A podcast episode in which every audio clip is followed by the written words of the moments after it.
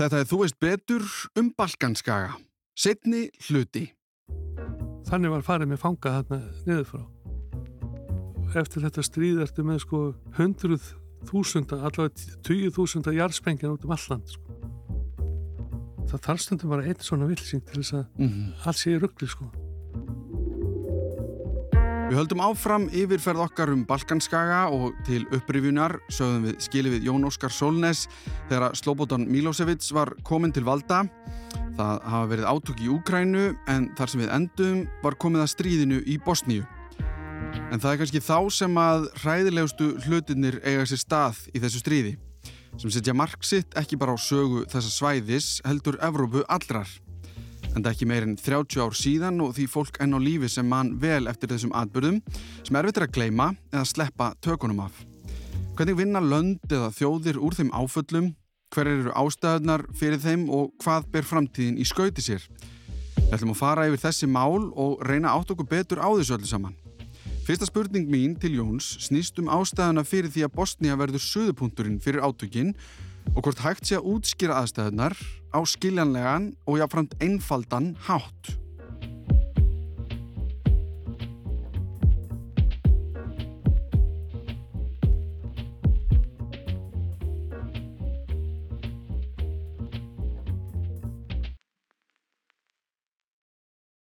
Já, sko það, það má segja kannski að átökinn brótist út þegar stjórnvöldi í Bosníu-Herzegovinu lýsa yfir sjálfstæði landsins. Mm. Þeir telja að þeir geti gert át að því að slóanandi sluppu auðvöldlega í burtu, krótandi ekki eins auðvöldlega, en það var þó komið vopnanlið þar og, ekkert í gangi meir um það að segja.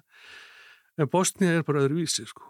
Bosníu er mjög vandfær, það er mikið, mikið fjöll út um allt þar, lélegar samgöngur og eins og ég sagði að, að þú ert með sko þess að þarftis að leysa úr læðingi svona rosalega átök, ert með dreifbílum og þéttbílunum, þú ert með ekki bara tungumál sem vísvöndi, heldur ertu með trúabröðin og það eru assets, sagt, það eru peningavélar í virkinum og, og það er eiginlega eftir svo miklu að slægast all, allstaða sko. Mm -hmm. En þetta kom aldrei óvart sko hversu átökin urðu grimmileg eiginlega alveg leið mm -hmm. og það er líka sem að sér til miður í svona styrjöldum þar sem að menn tekja hverja aðra skilja eða tungumáli þá er svona bara stigmagnandi út á einhverjum atbyrðum sem eiga sér stað. Þarna greip júgoslavinski hérin til þess og þá eins og þegar ég segi júgoslavinski hérin þá er það raunverulega bara serfneski hérin á þessum tíma. Og serfneski málaliðar sem voru þeim handgengnir, þau tóku bara völdin þarna í Bosníu og eins og menn mun að þá settu Sarajevo í Herkvi og var lokuð í 2,5 ár mm. það sem fór engin inn eða út nema með einhverjum algjörum harkvælum. Það sem hafi kannski gerst líka og þá er utanlega þjóðabrótin er að Bosnija var langt mest muslimska ríkið í þessu Júkoslavi dæmi alls saman mm. og þeir voru fjölmennasti þeir, þeir eru, það var oft talað um að þeir veru 40% rúmlega uh, serbarnir einhver 30% og króatandi innan við 20 og svo voru, voru mjög margir sem gáðu upp sko þjóðinni bara blandað mm -hmm og það var sagt, þannig að, að ef þú hefði verið serbi í Júkoslavíu þá varstu náttúrulega hluti af fjölmennasta þjóðabröndinu mm. og stærsta og öflugasta en núna varstu kannski serbi í Bosníu og þá varstu kannski orðin minnilutahópur og reyður ekki eins miklu og máttu kannski horfa upp á aðra að fara með stjórnvölin í, í ríkinu. Mm. Sama gerist í, í Kosovo aðeins setna að þá voru albarandi voru 90% af íbúum í Kosovo en það breytti því ekki að hinn 10% serbarnir voru af þjóðabróti sem réði lofum og lögum í, í saminuði landi mm -hmm. en voru alltaf komin í minnunutahóp sko. mm -hmm. og allt verði þetta flókið og það sem gerðist var það að það var, það var þarna til og ég minnst ekki eftir að hérta hugtæki áður þetta var kallað ethnic cleansing mm -hmm þar sem að menn urða að flýja undan ágangi og fóru inn á svæði þar sem voru svona sæmulega öryggir en önnu svæði voru blöndu og það var barist um þau sko. og það var barist um að tryggja sér land í norðri og, og síðan koma kemur tími sáttasemjarana það fer að streyma til landsins. Sáttasemjarana frá Európusambandinu frá saminuði þjóðanum frá frá hlutlösuríkjum frá Fraklandi, frá Breitlandi og, og það er alltaf verið að finna eitthvað löstn á þessu og hún er sko vandfundin þegar hún er búin að gröita saman þjóðfélagshópum sem eru svona mm -hmm. og eitt gott dæmi um það sem er að milli Grótíu og, og Bosníu og hluta til Serbíu rennur á sem heitir Sava og Sava á, það var mjög við Sava ána að hún væri það sem að Kristinn byrjaði og hinnum var það sem Ottomans dæmi byrjaði mm. en vandin var vandin með með Savána og hún nýttist sko efnaðslega mjög vel og það urðu til litli bæir en það var hipsum haps hvort þau voru norðan eða sunnar með við ána mm. en þegar átt að skipta og finna einhverja línu á milli þessara ríkja, Króti og Serbíu var áinn náttúrulega augl, augljós lending mm. en það voru þá bæir vittlusum megin við hann Já. Og svo má líka segja sko að, að í söður hlutanum sem sagt á því landsvæði sem er norður af þessari ásafa, þar eru blandaðar byggðir og þar byggum mjög margir krótið serpar byggu þar. Og þá að tala um það hefði verið kannski 400.000 til 500.000 manns og þegar krótið voru í stakk búin til þess að endur taka það land sem þeir eru tapað í stíðin 91-92 þá var þetta fólk allt er ekki á flótta og það hefur ekkert komið heim til sín enn þann dag í dag. Og það er, það er sko flóttamenn frá þessu svæðum en þá inn í Serbíu sem við veitum ekki alveg hvað að gera við og, og, og víða í þessum hérðum eru kannski draugabæir þar sem eigandur hafa verið frá Serbíu en ekki treysið til að koma og endur þessu húsin. Mm -hmm. þannig er svona lit, litlir staðir út um allt og það sem var verið að reyna að hrekja anstækinu á, flótta þannig að söður í söður í Herzegovinu þar sem að búa mikið til kroatískir bostjumenn og, og muslimandir. Þar var verið að reyna að flæma menn í burtu með, með voðaverkum, með, með hemdaverkum, kveika í borgum og bæjum og mm. reykja fólki í burtu. Og voru það þá bostnjumenn sem voru bara að reyna að reykja fólku út úr landinu sinu, ef ekki orðaðan þannig? Eða, eða að ég er að átta mig á, sko, þessi þjóðabrot verða svo til þess að skilja línutnar sko Já. af því þannig að það eru sko með Kroat, Kroat Serba Já sko það, það voru Serba sem byggu inn í Kroatju og hafði búið þar um aldir það, þeir byggu á svæði sem er heitið sko á Serba Kroatju Krajína sem er Krajín í okkur mm. og er, er samhettið við landamærabygðir mm. þarna og þeir sem byggu þar, þeir skilgæna sem Serba en þeir byggu inn í Kroatju þannig að það var Kroatju Serba Já Uh, niður í Herzegovinu þar er blöndu bygg, það er hel, kannski helmingunum muslimar og helmingunum króatar mm -hmm. og þeim hefur gengið... Já, helmingunum króatar er mér þar, ekki, já. Og þeim hefur gengið mjög illa að ná saman. Já. Frækt er náttúrulega þegar króatískur herrmenn eðulegu gamlu brúna í Mostar, sprengtu hann í loft upp eitt frægasta tákn landsins. Mm. Þar eru reglur þannig að það er hægt að vera með tvöfalt ríkisfang og þú getur verið með bílinni skráðan annarkvort inn í Kroatíu eða í Bosníu. Það skiptir ekki mál með númerflutuna. Já, einmitt. Það er grundaðu góða með þeim. Það það er ekkit neitt velvilið þar á milli í raun og veru enn þann dag dag. En er það ekki núna, og núna vil ég ekki einblýna á, sko, að því það eru mjög hræðilegir hlutir sem gerast í þessu stríði. Já. Og nú vil ég ekki endla einblýna á þá, en bara svona til útskýringar uh, þessar þjóðarhinsanir hver er, þú veist, er það Milosevic sem er að reyna að setja nýjur fótinn eða er það þau sem eru að berast fyrir sjálfstæði Bosníu? Já, það, til þess að flækja málun ennþá þá, þá sko setur Milosevic í, í, í Bel, Belgrad og stjórnar en hann hefur ekki fulla stjórn á Bosníu serbum, serbum sem búi í Bosníu. Mm. Þeir eruðu svona sér þjóðabrót inn, inn í Bosníu og þar eru semst þessi tvö þekktuna Það er annars vegar politísku leitóðir þeirra, Radovan Karadzic og hins vegar her, hernaðar leitóðir þeirra, Mladic. Þessi menn kyrðu þjóðurins hreinsuna stefnu inn í Bosníu, mm -hmm. þannig að menn eru að flýja í norðaustulutunum, Tuzla sem var Bosníngsborg, þar, þar, þar flýðu menn, menn söður á bógin. Í norðvestur flýðu menn og, og, og það sem menn flýðu ekki, þar eru mikil átök og mikil mannfall og mm. það var, alltaf þetta var eitt af þessum stríðum þar sem að eins og mikið óbreyttum borgunum sem falla Já, já. og þetta stendur yfir í þrjú ári rannur og, og bandaríkjaman dragast inn í leikin þeir lögðu sitt á vogarskálarnar Mm -hmm. það var reynd að finna einhvers konar kerfið sem gæti henda öllum og fljótlega var ljóst að Serbia er bara sjálfstæð, Kroatia sjálfstæð en Bosnia var mikið vandamál sko. Þannig að það var bara bútasöymur af fólki út um, út um allt. Já, það endaði bara þannig. og það endaði þannig í raun og veru að, að þessir elendu sáttasemjarar náðu að teikna upp stjórnarskrá fyrir Bosníu og náðu að stoppa ofbeldið og náðu að koma vopnalíði og það byggðist á því að Bosníu var splitt upp í tvent annars vegar sameilu krægi sem náðu frá norður til til vestus og það kalluðu serbatir Republika Serbska serbneska líðveldið Mm. inn í Bosníu. Þetta er sérst innan í Bosníu. Mm. þá er eftir hvað er innan í hér? Það eru tíu kantónur. Kantónur, og menn kalluðu er eftir svisturki fyrirmynd kantónur.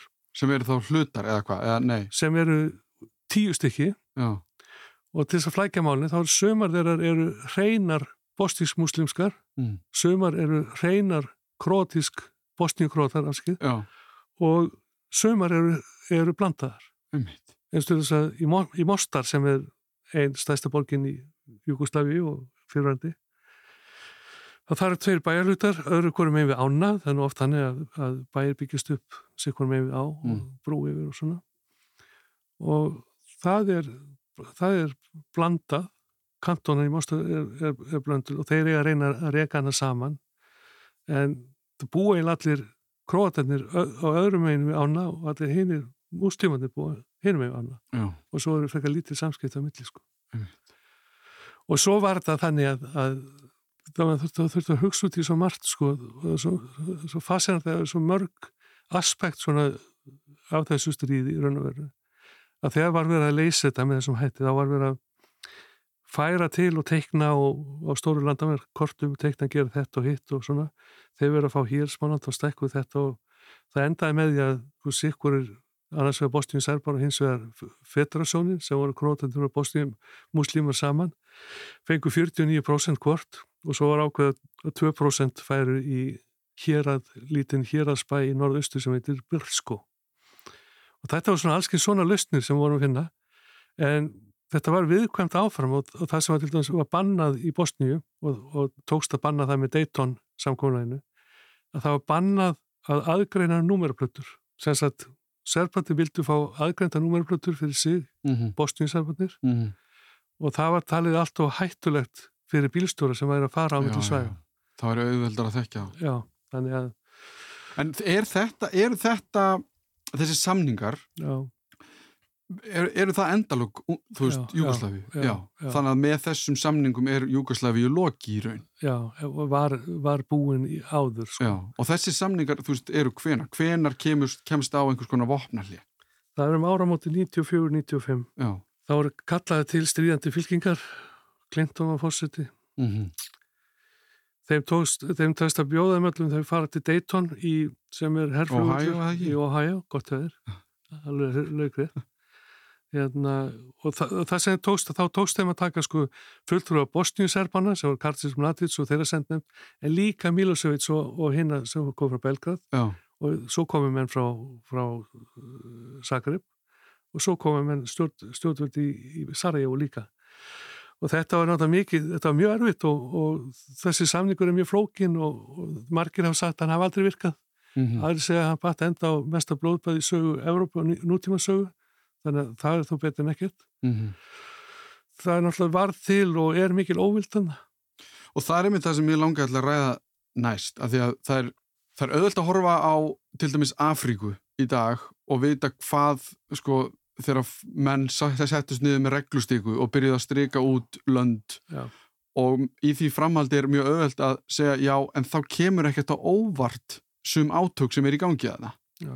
Og síðan hugsa maður um þetta svæði og það sem hefur gengið yfir þarna, síðan er þessu skipt upp og jú, ok, það er komið vopnarlið, stríðið er búið en það er gríðarlega mikið mannfall sem búið að sér stað og ekki bara mannfall heldur líka þessi voðaverk, þú veist, þess, þess eins og nefndir áðan, þjóðarhreinsanir, þú veist, það hafa hræðilegir hlutir gerst Já. og þá veldi maður fyrir sér hvernig óskupunum eiga þessi þjóðabrót síðan allt í hennu að bara hætta herru, þetta er bara búið Já.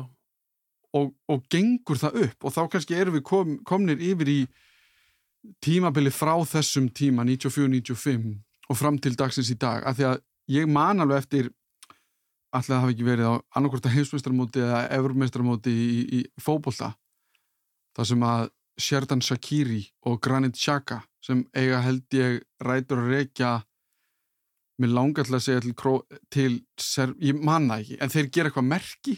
Þeir eru tengtir Kosovo. Kosovo, já við erum Kosovo eftir. Þeir gera merki með tvöfaldar erðinu já, sem er mjög provokerandi mjög, en fyrir mér ég skil náttúrulega ekki almennilega hvað er verið að íta í Nei. en ég líka fatt að nú hefur eftir, sko Kosovo er eftir. Já, það það er vandamál sem bara ítti liðar í ákveðin tíma. Mm. en sko ef, ef bökkum bara aðeins einn og klárum voðverkin já, við þurfum kannski að taka þau með inn í, inn í þetta því að þau, þau, náttúrulega útskýra hverju menn eru brjálar út í hverju aðra já, það sem að Evrópa hafði ekki séð síðan í setjumstyröld voru fréttamyndir af föngum sem voru að svelta í hel inn í útrýmingabúðum. Þannig var farið með fanga þarna niður frá. Það sem Evrópa hafði ekki séð var það að það væri veist, vel þjálfaður her að varpa sprengjum á borgi herkvi aðalega á almenning. Sem hvaða her Þetta er já, já, og með vopn og aðstóð frá Júkoslavi. Það var eitt vandamál að það voru vopna lagar út um allt land Mm. sem að eiginlega bara stjórnvöld í, höfðu aðgangað. Þannig að það hallaði mjög á menn þar. Í fjöllunum í Sarajevo var svo auðvöld að skjóta sko varpa svona sprengjum sem sprung út um allan bæ og þær hafi látt, látt hann sko í friði. Það sem þeir gerðu til sem en dittikjöfunda var þeir brættu rautt plast, heldu í þetta, svo verður þetta flatt. Þetta er ennþá allstaðið í Sarajevo. Það er kallað Sarajevo rósir og þetta er þess að rifja og gleym ekki, gleym ekki þessum voðaverkum. Einmitt. Svo gerist það á síðustu vikum stuðisins þar sem mann eiga kannski einhver möguleika að hætta allavega átökunum og byrja semja útvæslu að þá verður þetta þess að verða þessi fjöldamorði í Srebrenica Mm þar sem að þar sem að smalað 7000 drengjum og úlingum og sko þetta er verið að drepa þúsundir manna sem að menn bara hefði ekki séð svona síðan nazistarnir voru, hreinlega sko. og Það er út, einhver s- út, útskýrið þess að heft sko. það er einhver svakalig grimm Já, en það er líka það, það, það er svo mikið sko, finnst mér stundum að við glemum því að við erum svo næs og við erum góða fólkið og jafnaði menn og líðræði sinnar og, og einangruð Já, við, við, sko, það er í okkar menningu að vilja vera góðið nágan sko. mm og það er líka í okkar menningu held ég mig fullir að, að, að þú stendur aldrei með lítilmagnanum þú veist, -hmm. þú, þú stiðir aldrei öndurtókin. Það er ekkit endilega, mér hef ekkit endilega fundist það að vera eitt hluti af menningu nýra balkanskaða. Sko. Mm Það er kannski meira að notir, ef þú, þú getur það notar bara aflið sem þú hefur. -hmm. En já, þessi, þessi voðaverk náttúrulega verða sent glemt og sko það eru minnismerki um þetta út um út um alla Sarajevo og ég, ég hef komið til Srebrenica, það var mjög drungalegt og það er skólendi og mikið þoka og maður bara ímynda sér voðaverkin sem voru hérna frammi sko. Mm þannig að það getur ekki verið hvernig, það getur ekki verið þægilegu stað að vera á þú veist, þegar þetta er einhvern veginn þú veist, Nei, hann, nei. hann, hann stendur ennþá. Þú veistu hvað við, þú veist, einhvern veginn hvernig ætlar að halda áfram þegar að minnisvarðin um þetta allt er allt í kringu þig? Ég er svona að reyna að setja já, hausin einhvern veginn á staðin sko, og auðvitað get ég ekki með nokkrum móti ímynda mér þetta. Ég vann þarna nýr í, í Bosni í tvö ár 2003 og 2004 þegar mikil enduristanstarf var í gangi þá heldur menn þessu mikið á lofti en svo er að reyna að finna einhverju löst til að keira þetta áfram þetta þjóðfélag og, og, komast út úr þessu mm -hmm. og það getur bara tekið mannsaldri eða jafnveg tvær kynnslóði, sko, getur tekið alltaf langa tíma. Svoleiðis er þekkt úr borgarastyrjöldum annar staðar og í Afríku og svona þetta sko mennum bara með fókusin á þetta gamla og það gerir mér mjög erfitt fyrir og alls samvinna mjög léleg staðin er núna í Bosni er að efnahagurinn er slæmur mm -hmm. það er 40% atvinnleysi, ungt fólk færinga vinnu, það reynir bara að koma sér í burtu mm -hmm. það hefur lagt mikið áherslu á reyna að bæta efnanslega samvinnu Kroata og Serpa sérstaklega yfir landamærðan í austri mm -hmm.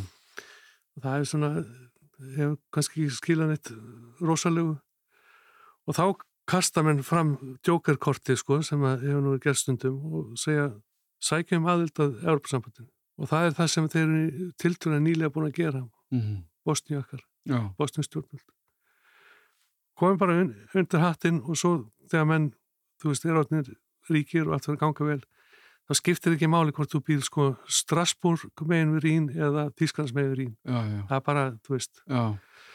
þannig það er vonandi að það komi einhverju jákvæðan stað þannig en, en þetta er þungur róður og þeir hafa svo sem ekki ferðarþjónustu, þeir eru með ekki margt sem að getur svona átt að segja að þeim til sel, sko selju landi eða flytja út Já. það er ekki augljós sko það ætti að vera það væri náttúrulega gott fyrir það að koma þessum bílavespið aftur í gang, en þetta er erfitt og svo er svo svona aukað tek, teknísku vandamál og eftir þetta stríð ertu með sko hundruð þúsunda, allavega tíu þúsunda jarðspengjan út um alland sko. sem það er að plokka upp með ægilegum tilkostnaðu og erfuleikum og það er gert það sem að fólk býr en annars það sem fólk býr ekki veist, upp á esunni eða eitthvað svona mm -hmm. það er bara, verða með bara að láta það dangar sko. Mér finnst við verða samt að nefna Kosovo Já, já. Af því að Ég reyndar ekki neitt sérstaklega vel að mér í því en... en... Nei, en bara svona í, af, af því að við erum svona komnir hálpartin yfir í nútíman og það er þetta 94-95, herðu, nú er stríði búið. Já. Hvað er það þá sem gerist í Kosovo? Er það af svipuðu meði? Er það þegar Kosovo vill vera sjálfstætt ríki? Já, Kosovo vill komast undan Belgrað valdinu, mm -hmm. fá til þess stuðning og þá var það líka út að allþjóða samfélagi var alltaf þreytt á þessum látum í Bosníu og þessum átöku sem hefði verið þarna. Mm.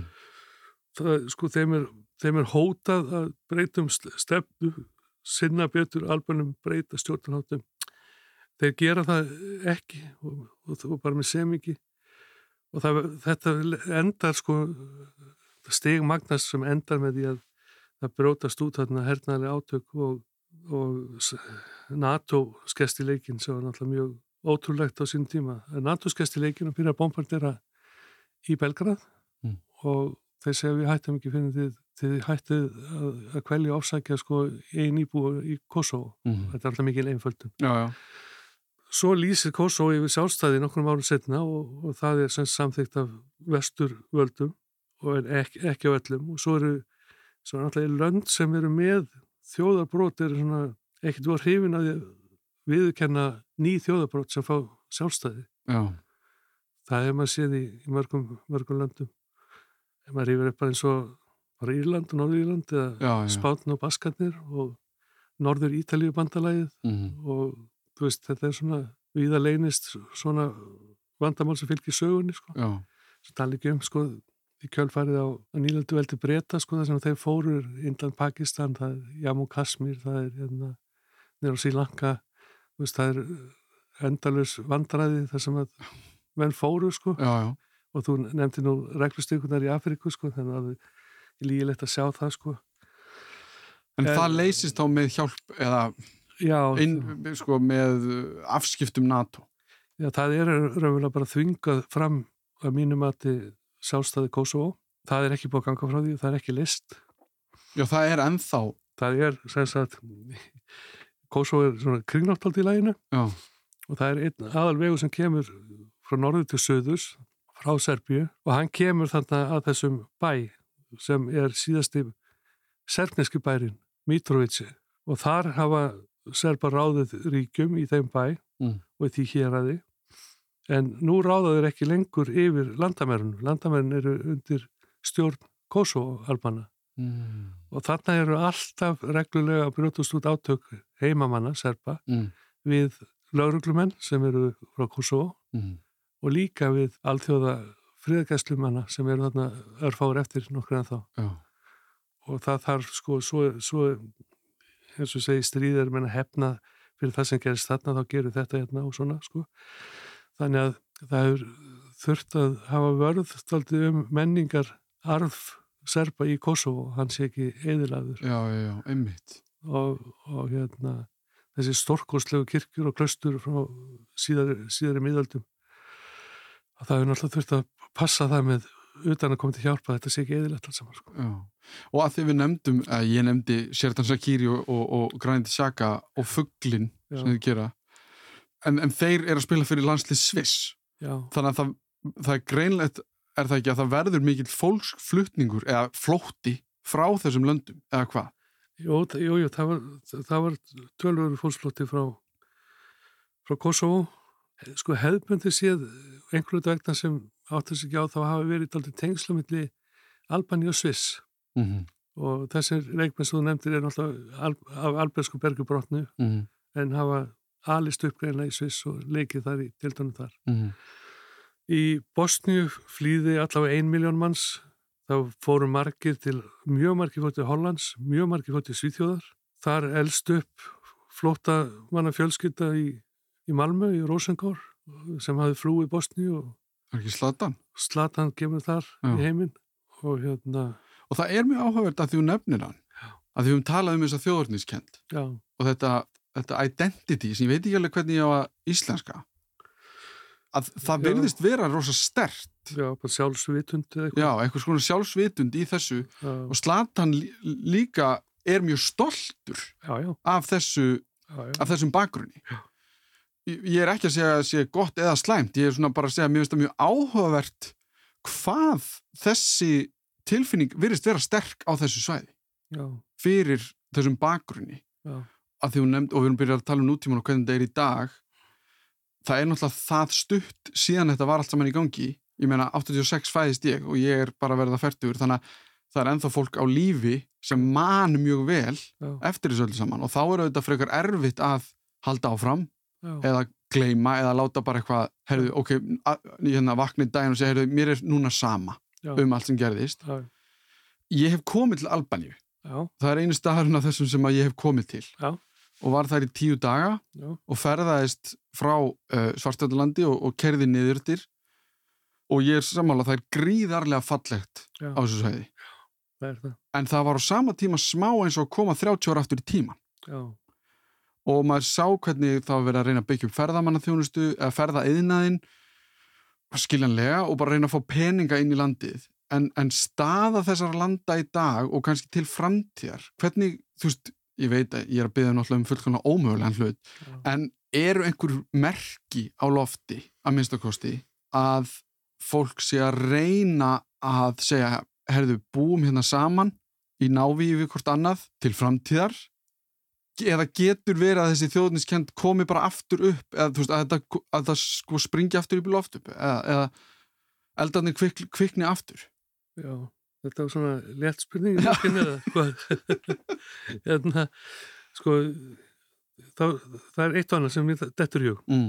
og eitt er að það er yfirleitt lítum átök þessum efnahörnum í lægi Já. það er bara þannig ef fólk getur séð sér farborða komið sér pústnaði farið í eitt skíðafrí og eitt sömafrí ári allir í bíl, þá er það fólk ekki mjög líklega til þess að vera með leiðindi mm -hmm. Númið tvö frakkar og þjóðverðar voru í stríði endalust, öldum saman mm -hmm. og það var eins og það getur bara ekki hægt þessu Já. og þá kemur þessu hugmyndum EBS að þetta á sín tíma þetta eru miklu samherjar í dag sko og standa alveg þjætt saman í ESB mm -hmm. og ráða þetta alltaf ferðinni og er mjög mikil vinátt að þjóða í dag sko. það sem er 40% aðtænum leiði sér ungu fólki það leiði til þess að það verður spekileiki brain drain Já. þá fara þeir, þeir bestu fara bara mm -hmm. og eftir sitja þeir sem er illa mentaður og þeir sem er lálinastörum og sérstaklega gamalt fólk Já. þar er ekki gott að segja sko hvernig að leysa það nema ég myndi halda að, að þessi umsókn að Európa-sambandurinn myndi opna fyrir þeim endalösa dýr að ég bæta ástandi í sínu landi Nú, og þá erum við að tala um Bosníu þá erum við að tala um Bosníu en við erum líka að tala um sko að í Albaníu sem er reynda mjög fátækt land og það koma ótrúlega margir Albanir hingað til þess að komast frá Albaníu.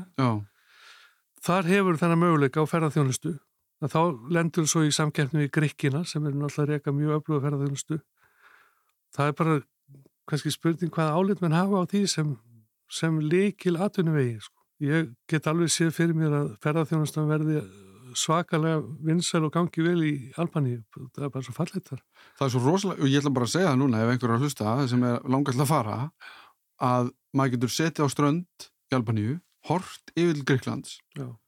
og maður er að borga miklu minna fyrir allt. Já. Það er eiginlega hálf erfitt að lýsa náttúrufegurinni af því að það er svo rosalega mikið af hámfjöllum sem eru sko þakintrjám rosa mikið skólendi en síðan strendur nákvæmlega eins og á Greiklandi Já. og veðufar. Já. Þannig að það kom mér mjög óvart Já. að vera þar. Já. Já, mér fannst það, og ég hugsa, þú veist, þetta er, eiginlega svona hálf ógleymaleg ferð að vera þarna.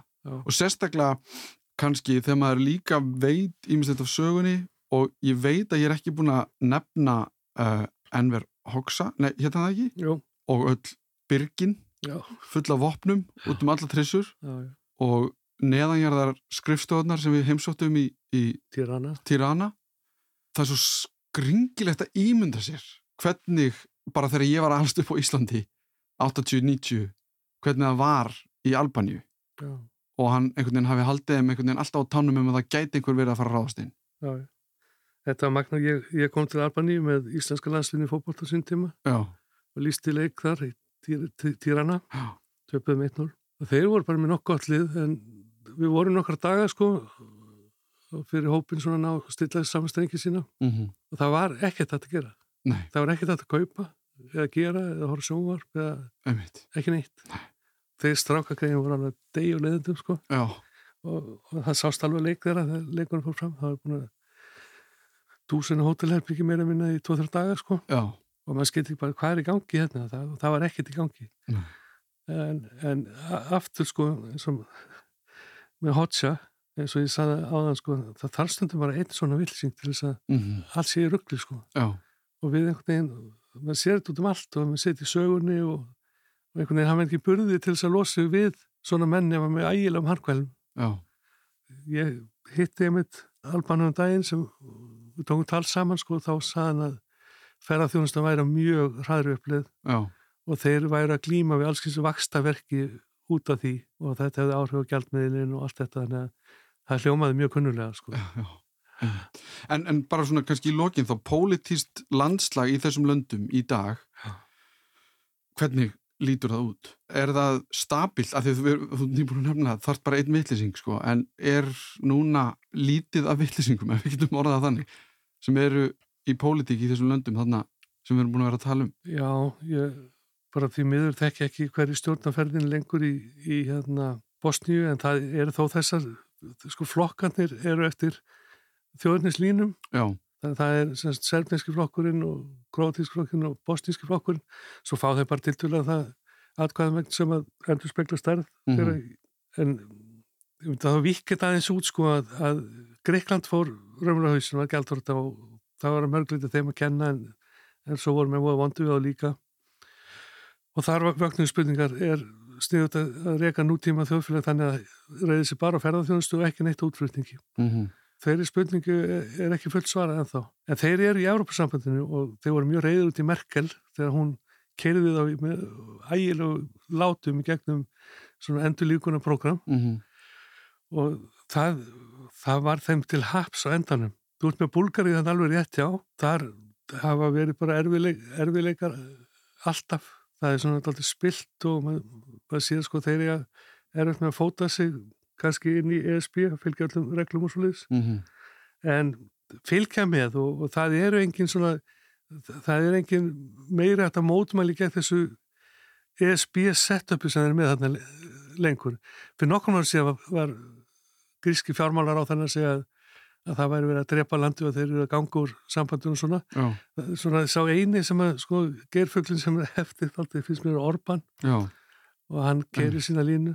í Ungarlandi. Já, nú, nú sjáum við til sko, hann er að hitta sænska fórsætsráður núna þess að fá hann til að styðja það að, að veri gengið frá því í næstu viku að svíjar gangi í NATO. Mm þá er þetta orðin einn heild sko, þá er þetta ESB og NATO svona.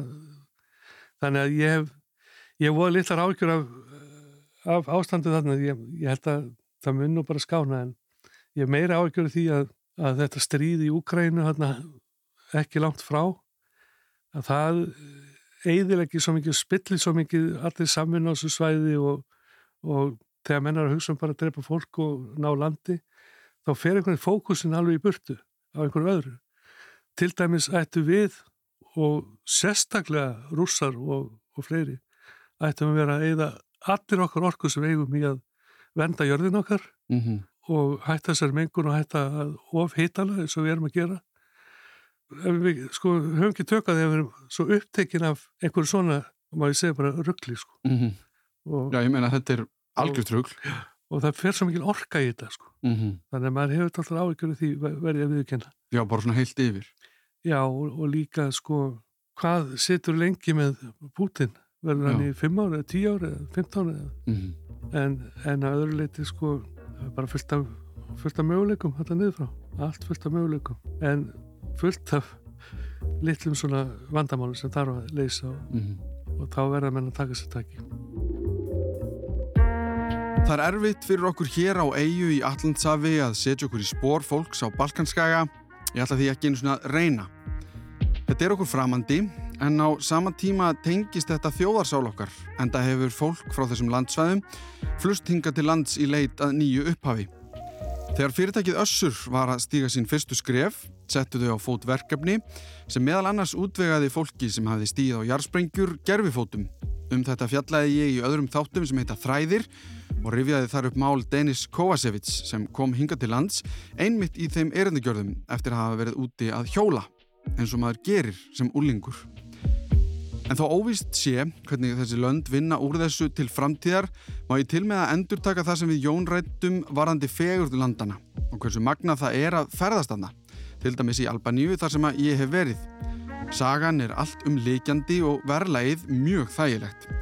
Þess vegna vona ég að þættirnir hafi ekki gert það að verkum að gera lítið úr þeim eða letja fólk frá því að heimsækja þau. Fyrir mína parta er það algjörlega þess virði og það segja öll þau sem hafa verið á sama svæði. Ég vil þakka Jóni Óskari Sólnes kærlega fyrir að segja okkur frá þessu öllu saman, þakka ykkur á sama tíma fyrir að hlusta. Ég minni á póstin minn allimarat.ruf.is ef það eru einhverjar spurningar eða ábendingar. Ég heiti Alli Már Steinarsson og þakka svo fyrir mig. Þetta var Þú veist betur um Balkanskaga. Heyrumst í næsta þætti.